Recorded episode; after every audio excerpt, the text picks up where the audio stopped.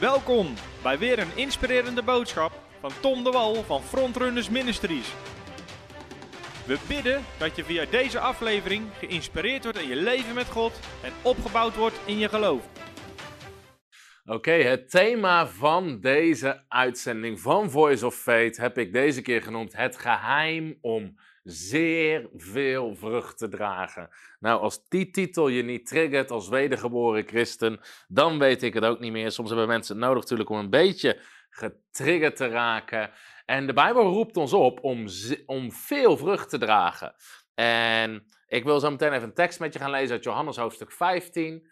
En waar Jezus namelijk zegt dat dat zijn verlangen is voor ons leven.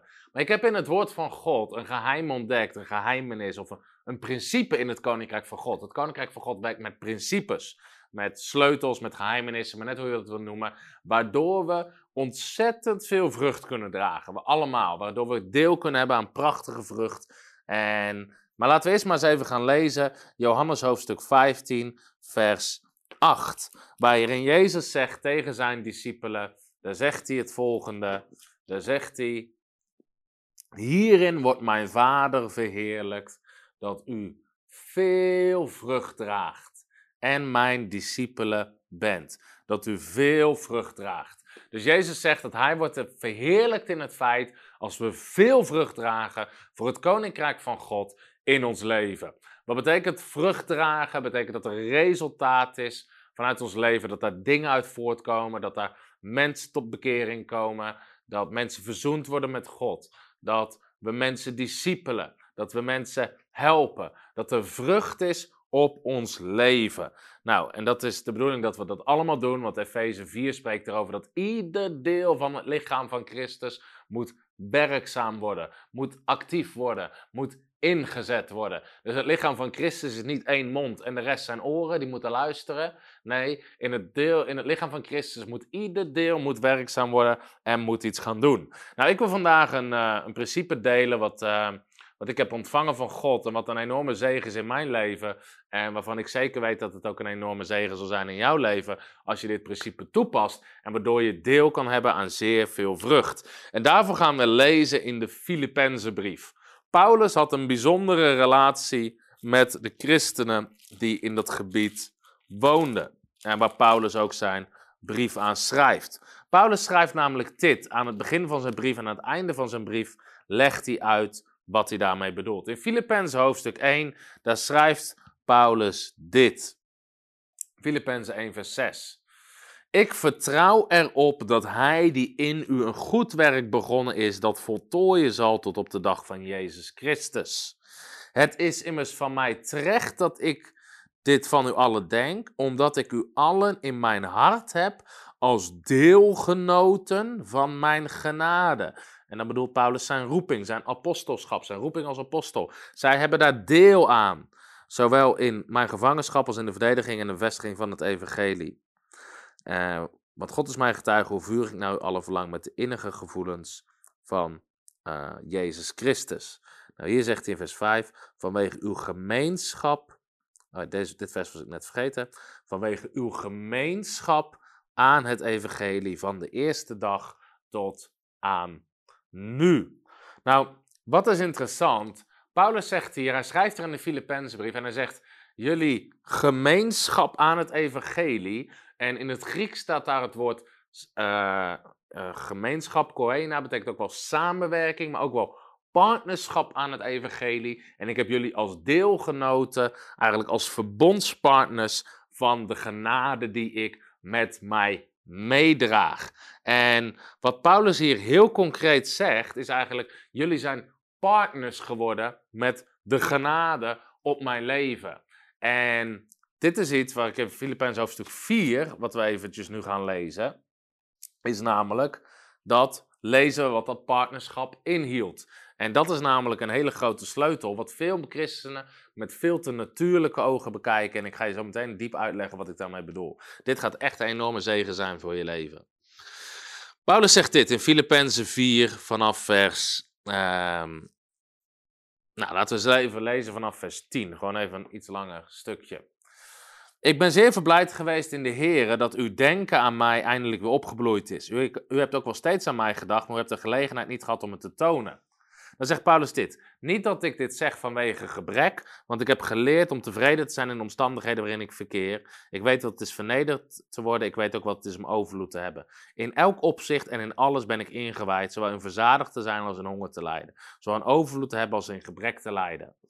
Alle dingen zijn me mogelijk door Christus die mij kracht geeft. Toch hebt u er goed gedaan, aangedaan dat u, deel, dat u gedeeld hebt in mijn verdrukking. En ook u, Filippenzen, weet dat in het begin van het evangelie, toen ik uit Macedonië vertrok, geen enkele gemeente mijn deelgenoot werd in de rekening van uitgaven en ontvangst dan u alleen. Want ook in Thessalonica hebt u mij een en andermaal iets toegestuurd wat ik nodig had. Niet dat ik de gave zoek, maar ik zoek de vrucht die op uw rekening toeneemt. Maar ik heb alles ontvangen, ik heb overvloed, ik ben geheel voorzien, nu ik door middel van Epaphroditus ontvangen heb wat door u gezonden was, als een aangename geur en welgevallig offer en welbehagelijk voor God. Maar mijn God zal u overeenkomstig zijn rijkdom voorzien van alles wat u nodig hebt in heerlijkheid door Christus Jezus. Oké, nou hier zit een geheimenis in. En dit noem ik het geheim om zeer veel vrucht te dragen, wat Paulus met ons deelt. Aan het begin van, het van de Filipijnsbrief zegt hij: Ik heb jullie Jullie hebben uh, jullie gemeenschap, jullie partnerschap met het evangelie. En ik heb jullie als deelgenoot van mijn roeping. En dan in Filippenzen 4 komt hij daarop terug. Hij zegt waarom? Hij zegt omdat ze Paulus regelmatig iets toestuurde voor zijn bediening. En dan zegt Paulus dit. Dus deze mensen waren partner met de bediening van Paulus. Dan zegt Paulus dit in vers 17. Niet dat ik de gave zoek, maar ik zoek de vrucht die op uw rekening toeneemt. De vrucht die op uw rekening toeneemt.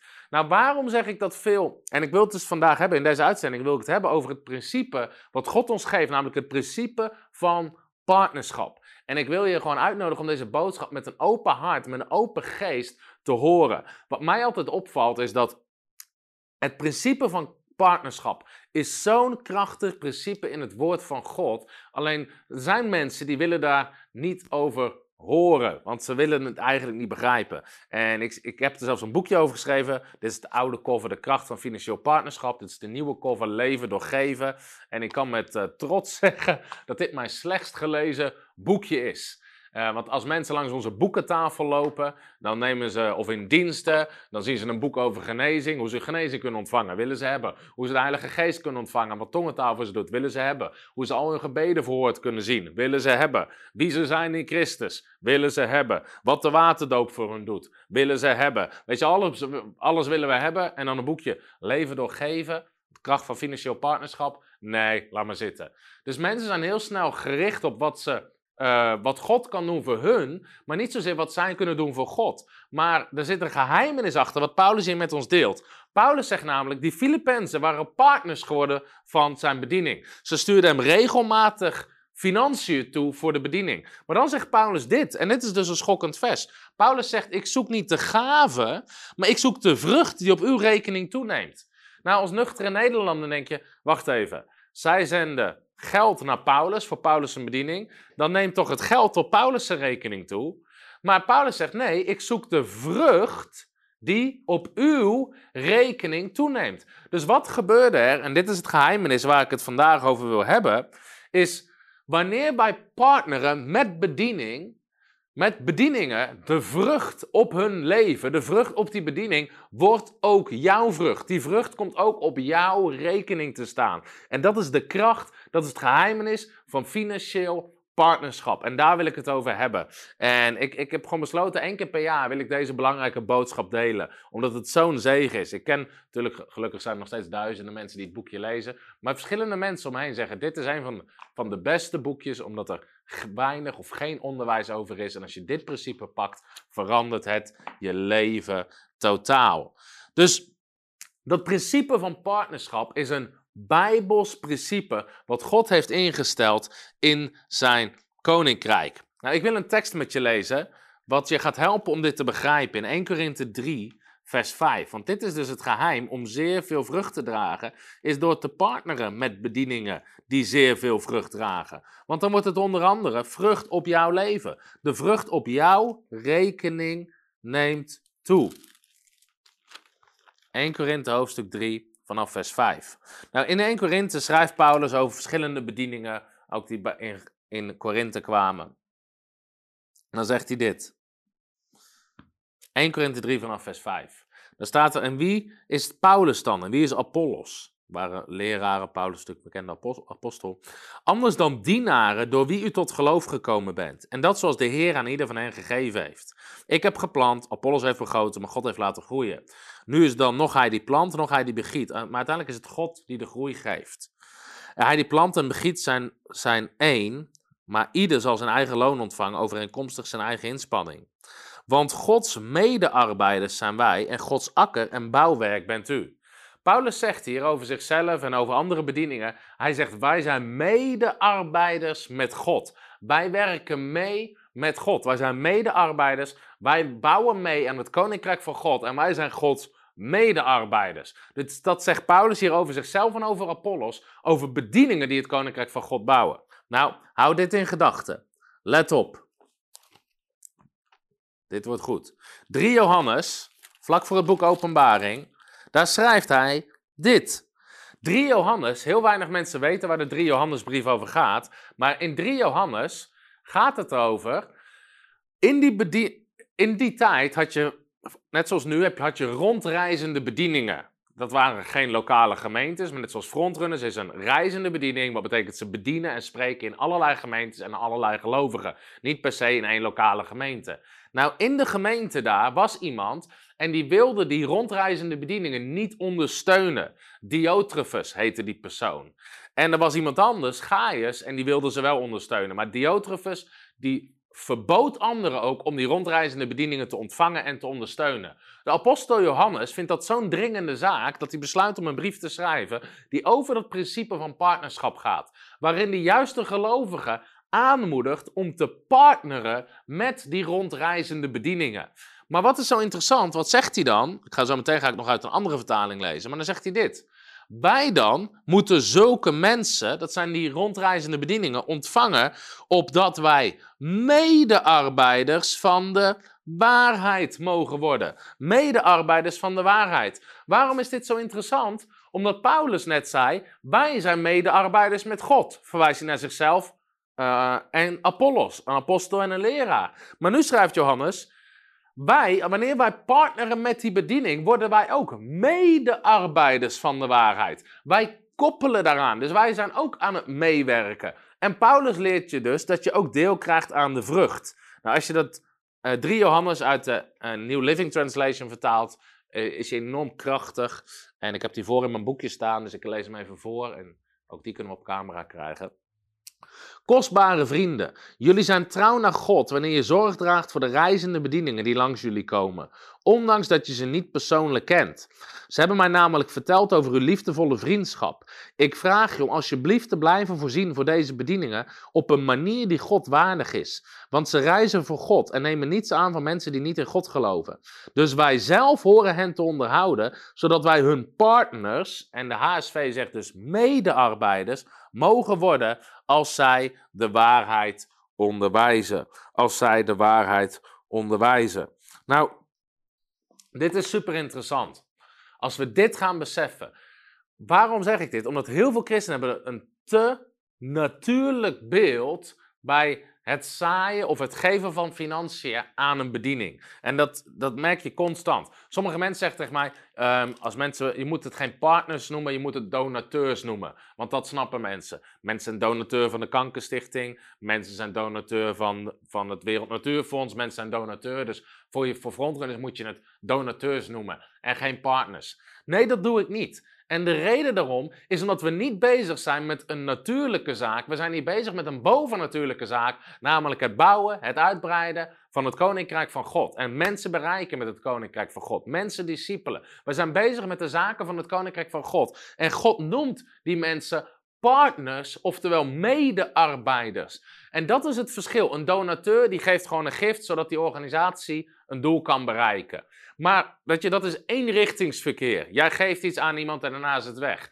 Maar nu, op het moment dat je een medearbeider wordt, op het moment dat je een partner bent, betekent dat je samenwerkt om hetzelfde doel te bereiken. En dat is hoe het koninkrijk van God werkt. En partner betekent dat het wederzijdse voordelen heeft. En het woord van God leert ons dat wanneer wij partners worden, dat dat wederzijdse voordelen heeft. En een van die voordelen is dat de vrucht die ligt op die bediening, wordt de vrucht die ook toegerekend wordt aan jouw leven. De vrucht op jouw rekening neemt toe. Zij zijn niet alleen medearbeiders van de waarheid, jij bent een medearbeider geworden van de waarheid. Dus dit is het geheim om zeer veel vrucht te dragen. Los van dat er natuurlijk gewoon als het gaat om hoe je persoonlijk vrucht draagt. Maar dat is niet het doel van deze uitzending. Het doel van deze uitzending is dat mensen snappen dat partnerschap niet een natuurlijk iets is van ach ja, we hebben ook geld nodig voor de bediening. Al die dingen zijn nodig. Maar God heeft het zo ingesteld dat het meer is dan het opvullen van een natuurlijke nood. Net zoals Paulus zegt, weet je, ik had tekort, nu heb ik overvloed, dus die natuurlijke nood is opgevuld. Maar Paulus zegt, ik ben op zoek naar de vrucht die op jullie rekening toeneemt. Ik wil zien dat jullie toenemen in het dragen van vrucht. En dat deden ze onder andere door het zijn van partners. En dat is zo'n gigantische belangrijke boodschap voor ons. Omdat als je dit pakt van partnerschap, dan kijk je niet langer als een natuurlijke zaak naar partnerschap, maar dan ga je het zien als iets bovennatuurlijks. En te veel christenen, zeker in Nederland, zodra het gaat over financiën en het koninkrijk van God, schieten ze in de weerstand en schieten ze in de allergie. Ja, maar het evangelie moet toch gratis zijn? Het evangelie is gratis. Maar het is niet gratis om het te brengen. Waar je nu naar kijkt, je kijkt naar een studio vol camera's met een betaalde medewerker die het aanstuurt. Je kijkt, weet je, we geven drie, we hebben 382.500 boeken gratis gedrukt om weg te geven. Maar die boeken zijn niet gratis. Ik kan geen drukkerij opbellen en zeggen: Hallo, ja, ik ben Tom de Wal. Nee, we werken voor het Evangelie, dus we willen de boeken graag gratis. Het enige wat je dan hoort aan de andere kant van de lijn is: piep, piep, piep. Die boeken moeten betaald worden. Medewerkers moeten betaald worden. Het gebouw waar we in zitten moeten betaald worden. De camera's via deze boodschap kijken moeten betaald worden. Al die dingen kosten geld.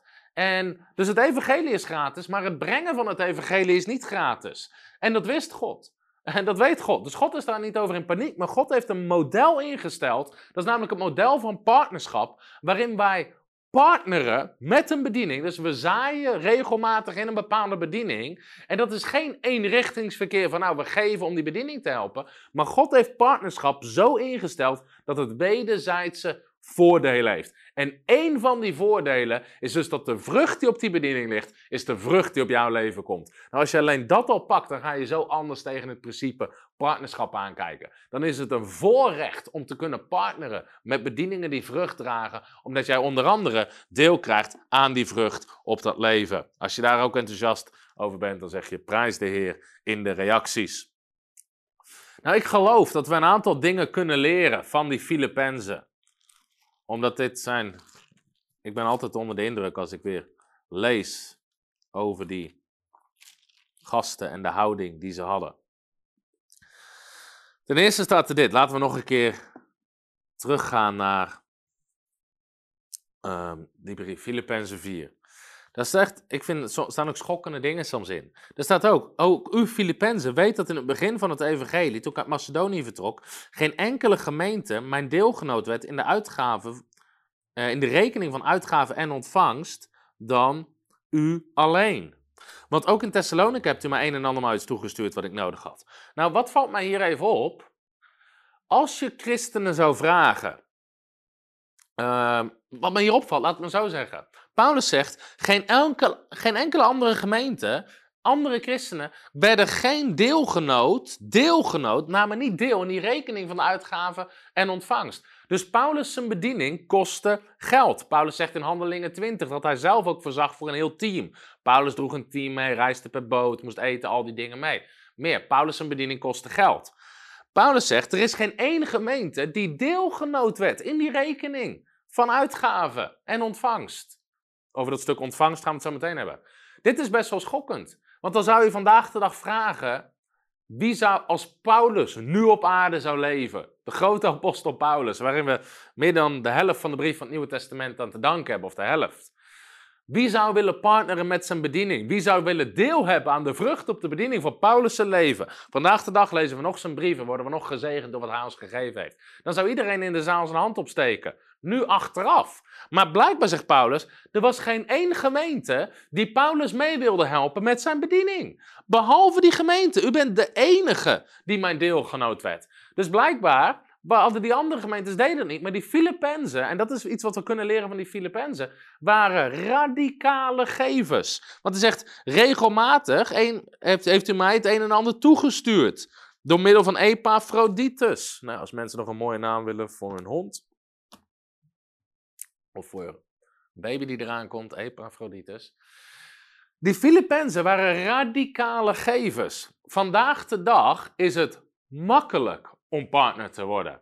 Je kan, weet je, via je telefoon, via je app, je kan gewoon een automatische incasso en het wordt gewoon iedere maand wordt het afgeschreven. Je hebt er verder geen omkijken na. Maar in die tijd moesten ze, moesten ze iemand met een zak geld, ze gingen eerst al het geld ophalen, daarna moest ze iemand met een zak geld sturen, honderden of duizenden kilometers verderop, naar waar Paulus, waarvan ze dachten dat Paulus was, waarvan ze zijn laatste brief hadden ontvangen. Misschien was hij verder gereisd, misschien was hij gevangen genomen, misschien, weet je, je weet niet wat er gebeurd was. Dus iemand reisde met een zak geld constant achter de bediening van Paulus aan om die zak geld te overhandigen, ging weer terug en weer opnieuw werd hij uitgestuurd. Dus partnerschap kostte in die tijd veel meer moeite dan vandaag. Dat leert me iets over die Filippenzen. Zij waren radicale gevers.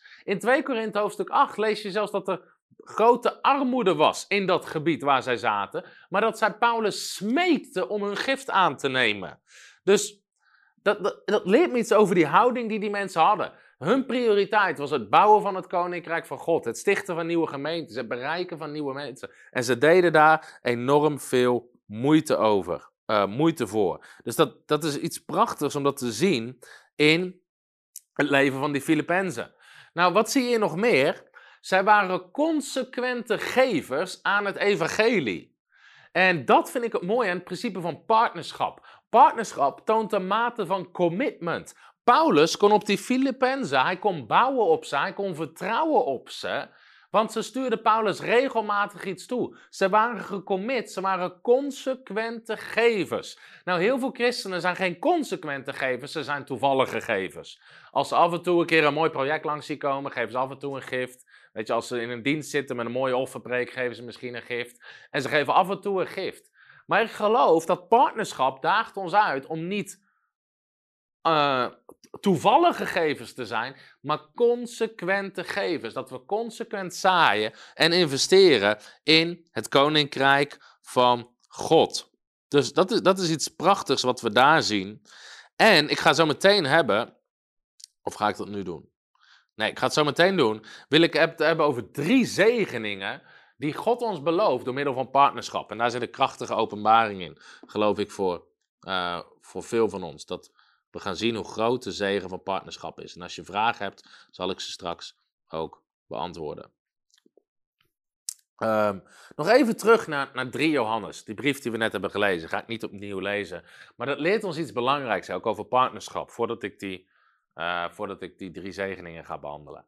Nummer 1 leert ons iets dat het principe van partnerschap, financieel partneren, dus uh, geld toezenden naar een bediening is niet iets nieuws wat uitgevonden is in de 20e eeuw of de 21e eeuw door moderne bedieningen zoals frontrunners, omdat ze geld nodig hebben. Zo kijken we er soms naar.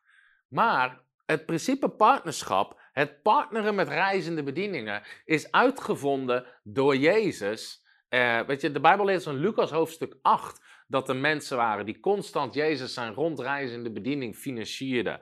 En de gemeentes in, in de tijd van handelingen. er, dus, er werd letterlijk een brief geschreven door de apostel Johannes naar de gemeente om de mensen te vertellen dat ze partners moesten worden met reizende bedieningen. In andere woorden, dit is een principe uit het koninkrijk van God. En ook in Nederland. Als wij willen zien dat het koninkrijk van God gebouwd wordt in Nederland, dat het koninkrijk van God zich uitbreidt in Nederland, dat mensen tot geloof komen, dat mensen gediscipeld worden, dat mensen genezen worden, dat mensen bevrijd worden, is dit een principe wat we moeten omarmen. Dit is zo belangrijk. Ik ga het toch alvast lezen. Gewoon, ik geloof dat dit goed is om te doen. In Deuteronomium hoofdstuk, ik ga lezen Nummerie, Nummerie hoofdstuk 18 is dat mijn hoofd. In Nummerie 18 lezen we iets bijzonders. En ik geloof gewoon dat dit een zegen is en dat dit voor veel mensen nieuw is. In Nummerie 18 lezen we over het volk Israël en zij kregen de het Levitische priesterschap. Oftewel, er waren mensen die vol tijd werden vrijgezet om in de tempel te dienen naar God en te dienen naar de mensen. Dus voltijd bedieningen. Wat zegt God over deze priesters? In vers 6, dit is interessant. Want zie, ik heb uw broeders, de Levieten, uit het midden van Israël genomen. Zij zijn een geschenk voor u. Zij zijn een geschenk voor u. Gegeven aan de Heer om de dienst van de tent van ontmoeting te verrichten. Zij zijn een geschenk. Deze mensen zijn een geschenk van God, zo om mensen als aan hem te dienen. Dus die mensen die zich voltijd inzetten voor het koninkrijk van God zijn een geschenk. Waarom is dit interessant? Omdat precies ditzelfde wordt gezegd in Efeze hoofdstuk 4 over de vijfvoudige bediening. De bedieningen die God vandaag geeft. Efeze hoofdstuk 4 vers 11, daar spreekt dit. Uh, daar staat dit. En hij heeft sommigen gegeven. He gave some as gifts, zegt de Engelse vertaling. Als apostelen, anderen als profeten, weer anderen. Dus hij, Christus, heeft sommigen gegeven.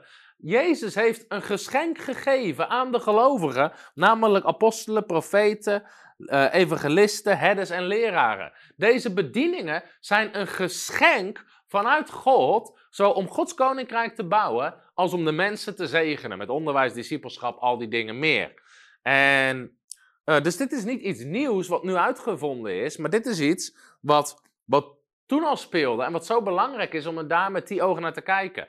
Nou, waar, waar moeten we ons voor inzetten? Is omdat, om die, dat, omdat we helpen die bedieningen zoveel mogelijk vrucht te dragen. En dat is wat partnerschap doet. Door financieel te partneren zet je deze bedieningen financieel vrij. Zoals Paulus zegt in 1 Korinthe hoofdstuk 9, dat zij die het evangelie prediken ook van het evangelie kunnen leven. En niet alleen dat, maar dat ze vrucht kunnen dragen. En waarom vind ik dit zo belangrijk? Omdat ik het schokkend vind, persoonlijk, om te zien in het algemeen, ik spreek nu niet, ik spreek nu niet specifiek, ik spreek in het algemeen, het gebrek aan financiën, wat er vaak is in evangelische, charismatische en pinksterkerken voor het koninkrijk van God. En Nederland is, staat, als je kijkt naar de meest vermogende landen, staat in, ergens in de, altijd in de top 5, ligt eraan welke lijst je pakt, hoe het berekend wordt, maar in sommige lijsten in de top 3. Dus als, als je dit kijkt als Nederlander, we leven in een van de meest vermogende landen ter wereld.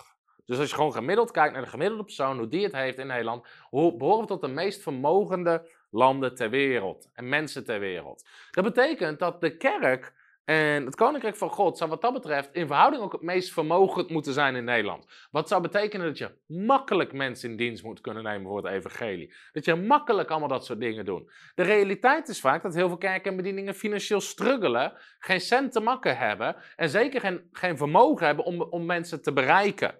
En ik geloof niet dat dat goed is. Ik weet dat het heeft meerdere oorzaken, maar een van de dingen is dat we moeten weer begrijpen hoe kostbaar partnerschap is. Als we het koninkrijk van God in Nederland gebouwd willen zien worden. Dat we die bedieningen gaan zien als een geschenk van God. Waaraan we medearbeiders kunnen worden door te partneren. Waardoor we ook deel krijgen van die vrucht. En het is de manier om de bediening van Jezus nu op aarde verder uit te breiden. We hebben net Efeze 4, vers 11. En hij, Jezus, heeft gegeven. Jezus heeft zichzelf verdeeld, als het ware, in die verschillende bedieningen. Apostelen, profeten, herders, leraren en evangelisten. In 3 Johannes zei, roept de apostel Johannes op om te geven op een godwaardige manier. In andere woorden, je geeft op een manier die God waardig is. Niet omdat het moet, maar omdat je het koninkrijk van God wil bouwen, omdat je God eert en zijn koninkrijk. Dus dat zijn zulke belangrijke principes uit de drie Johannesbrief. Oké, nu de drie zegeningen. En. Hoeveel heb ik er in mijn boekje staan? In mijn boekje staan vijf voordelen van financieel partnerschap. Dit boekje kan je gratis bestellen in onze webshop. Um, maar ik, doe er, ik deel er even drie. Ik deel er even drie. Even kijken. Nummer 1. Dit is interessant.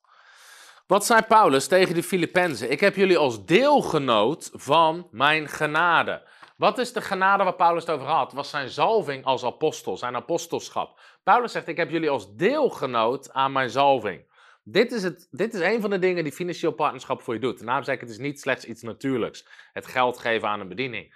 Financieel partnerschap, als je partnert met een bediening, dan gebeurt er iets bovennatuurlijks. Namelijk, je koppelt aan de zalving die op die bediening ligt. Paulus zegt, ik heb jullie als deelgenoot van de genade die ik heb. Je koppelt aan de zalving. Dus God heeft op iedere bediening een bepaalde zalving gelegd. Op het moment dat je partnert met die bediening, op het moment dat je in die bediening zaait, ga je ook ontvangen wat op die bediening ligt. Dit is geen natuurlijk proces, dit is een bovennatuurlijk proces. Als jij zaait, en ik ga dit zo meteen laten zien vanuit het woord van God, en ik denk dat dit voor veel mensen een openbaring is. Als jij zaait in een, in een geloofsbediening met wonderen en tekenen, je koppelt aan die zalving die op die bediening ligt. Wat betekent dat dat makkelijker zal gaan gebeuren in je eigen leven. En ik ga je dit laten zien vanuit het woord van God. En dit zijn de stukjes en in mijn boekje geef ik meerdere uitleg. Maar kijk naar de bediening van Elia en Elisa. Krachtige profeten onder het Oude Testament die een bediening hadden van wonderen en tekenen. Er gebeurde bovennatuurlijke genezingen, opwekking uit de dood, bovennatuurlijke voorziening, gebeurde in hun leven. Maar wat is interessant, en dit is voor veel mensen een openbaring, die wonderen de meeste van die wonderen gebeurden bij hun partners. Gebeurden bij hun partners. Ook zij hadden mensen die hun bediening ondersteunden. En de wonderen gebeurden vaak bij die partners. Niet bij random mensen. En nogmaals, dit is dus geen onderwijs dat mensen een wonder kunnen kopen. Helemaal niet. Dit is onderwijs dat je koppelt aan een bepaalde zalving die daar is. In 1 Koningen 17 lezen we over de weduwe en die ontving uiteindelijk het wonder dat het olie en de meel in de pot niet opraakte, maar constant vermenigvuldigde. Wanneer gebeurde dat wonder?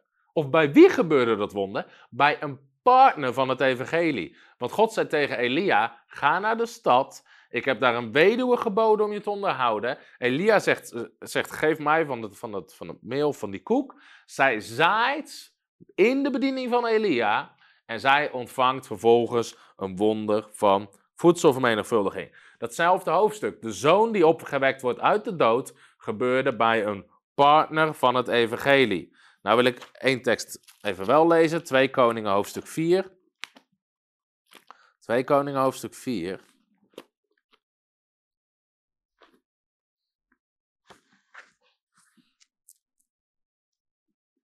En we gaan even lezen vanaf vers 8.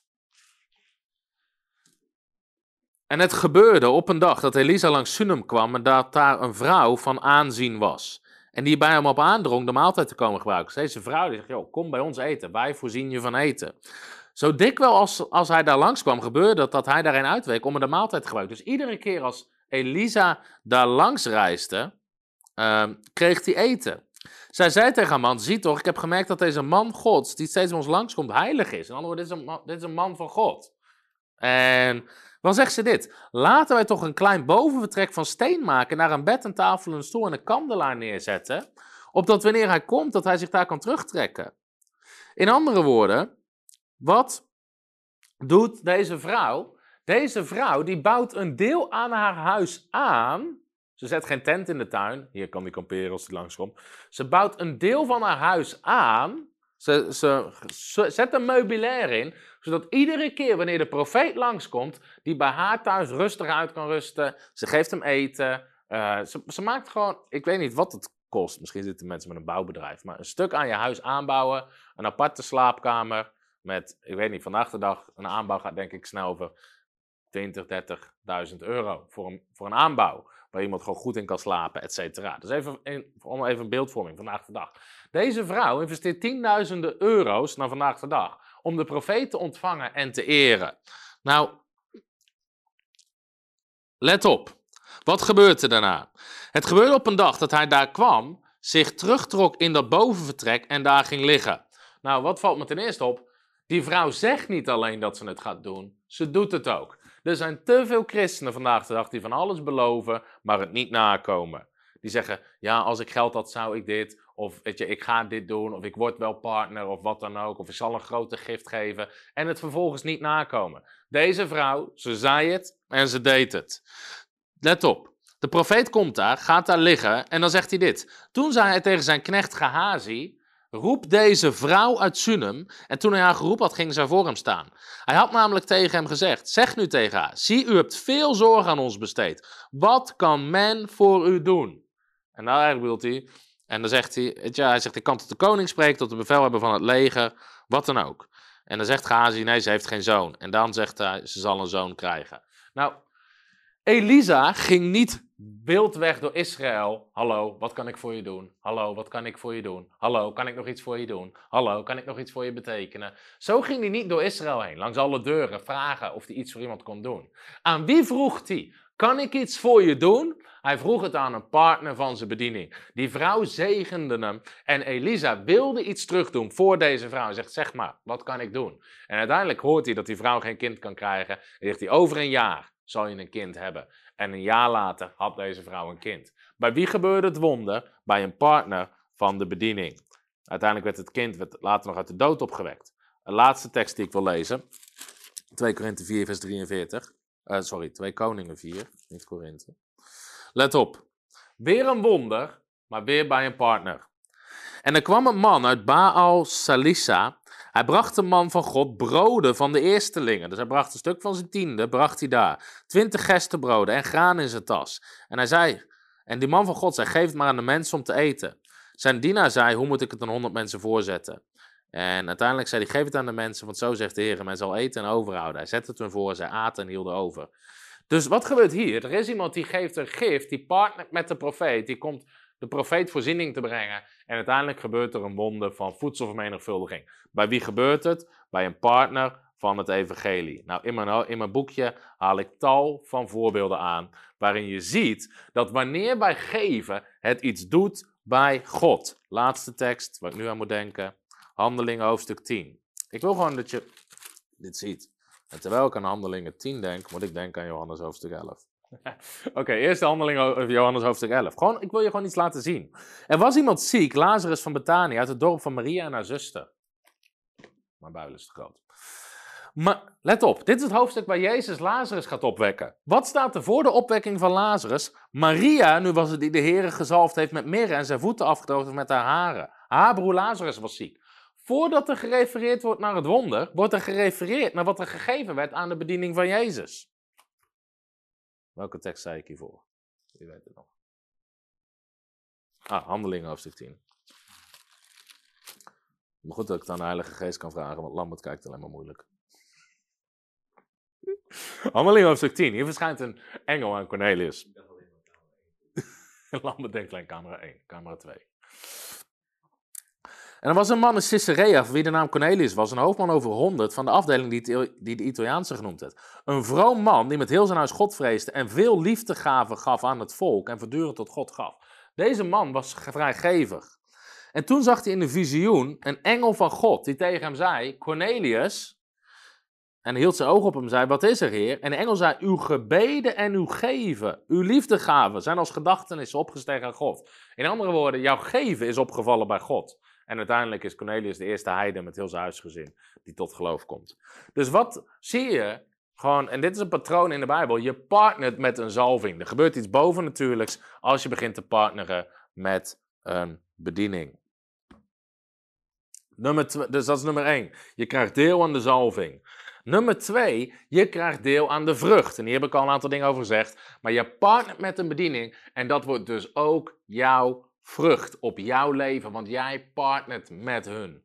Dus dat is zo belangrijk. Dat we partneren met bedieningen, want zij kunnen daardoor meer vrucht dragen. Zij kunnen daardoor meer doen voor het koninkrijk van God. Maar die vrucht, wat zij bereiken, is ook vrucht op jouw leven. Zo heeft God het koninkrijk van God ingesteld. In 1 Samuel hoofdstuk 30 uit mijn hoofd, daar lees je dat uh, David uh, als Siklag is overwonnen, gaat hij achterna, achter die bende aan om, om, om, de, om de hele buit terug te halen en de vrouwen en de kinderen. En dus een deel van de mannen is te moe om mee te gaan. En die zeggen dan, wij blijven bij de buit.